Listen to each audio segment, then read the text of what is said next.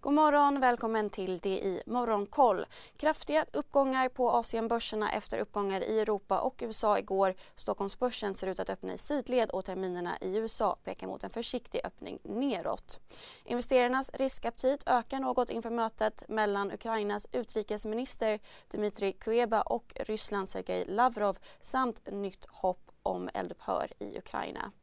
Oljepriset föll hela 10% igår efter att eh, Förenade Arabemiraten och Irak meddelat att de stödjer ökningar i oljeproduktionen.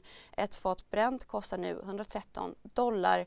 Även ädelmetaller har fallit tillbaka något.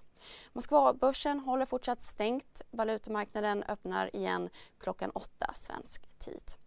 Och flera bolag fortsätter med åtgärder mot Ryssland. Det danska bryggeriet Carlsberg drar nu tillbaka prognosen för 2022 på grund av kriget. Under 2021 så stod Ryssland och Ukraina för 13% av bolagets omsättning.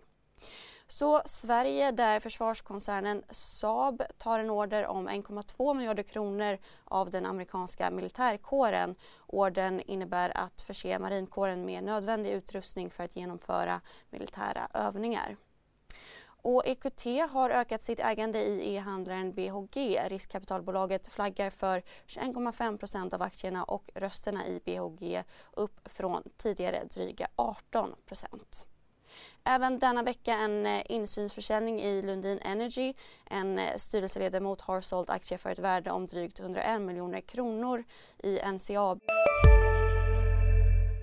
CSRD, ännu en förkortning som väcker känslor hos företagare. Men lugn, våra rådgivare här på PWC har koll på det som din verksamhet berörs av. Från hållbarhetslösningar och nya regelverk till affärsutveckling och ansvarsfulla AI-strategier. Välkommen till PWC. Har styrelseledamot och tidigare vd sålt aktier för 44 miljoner kronor. Fasadgruppen och Green Landscaping styrelseordförande har sålt aktier i båda bolagen för 15,1 respektive 7,8 miljoner kronor.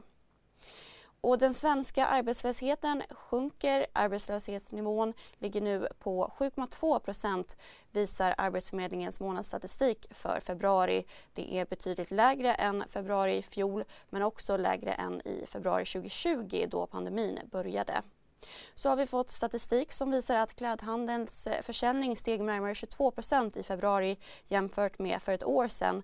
Skohandeln steg med 2,5% Det visar Svensk Handels stilindex. Börserna i USA stängde klart uppåt igår. S&P 500 hade sin bästa dag sedan i juni 2020 och e-handelsjätten Amazon steg kraftigt i efterhanden. Det efter att bolaget meddelat att man ska göra en aktiesplit där en aktie delas upp i 20 samt ett återköpsprogram på 10 miljarder dollar. Med andra ord så går priset per aktie från knappt 2 800 till 140 dollar. I Asien stiger Tokyobörsen hela 4% Shenzhen börsen 2% Shanghai och Hongkongbörsen runt 1% i Sydkorea så segrade den konservativa oppositionskandidaten Yoon i presidentvalet. Ledaren har bland annat utlovat satsningar på bostäder, att återställa kontakterna med Kina och att inta en hårdare hållning mot Nordkorea. Mer nyheter hittar ni som vanligt på sajt. Missa inte heller Börsmorgon med start 8.45.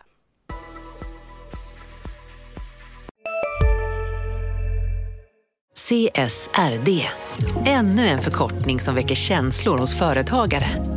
Men lugn, våra rådgivare här på PWC har koll på det som din verksamhet berörs av. Från hållbarhetslösningar och nya regelverk till affärsutveckling och ansvarsfulla AI-strategier. Välkommen till PWC. Hej, Synoptik här. Så här års är det extra viktigt att du skyddar dina ögon mot solens skadliga strålar.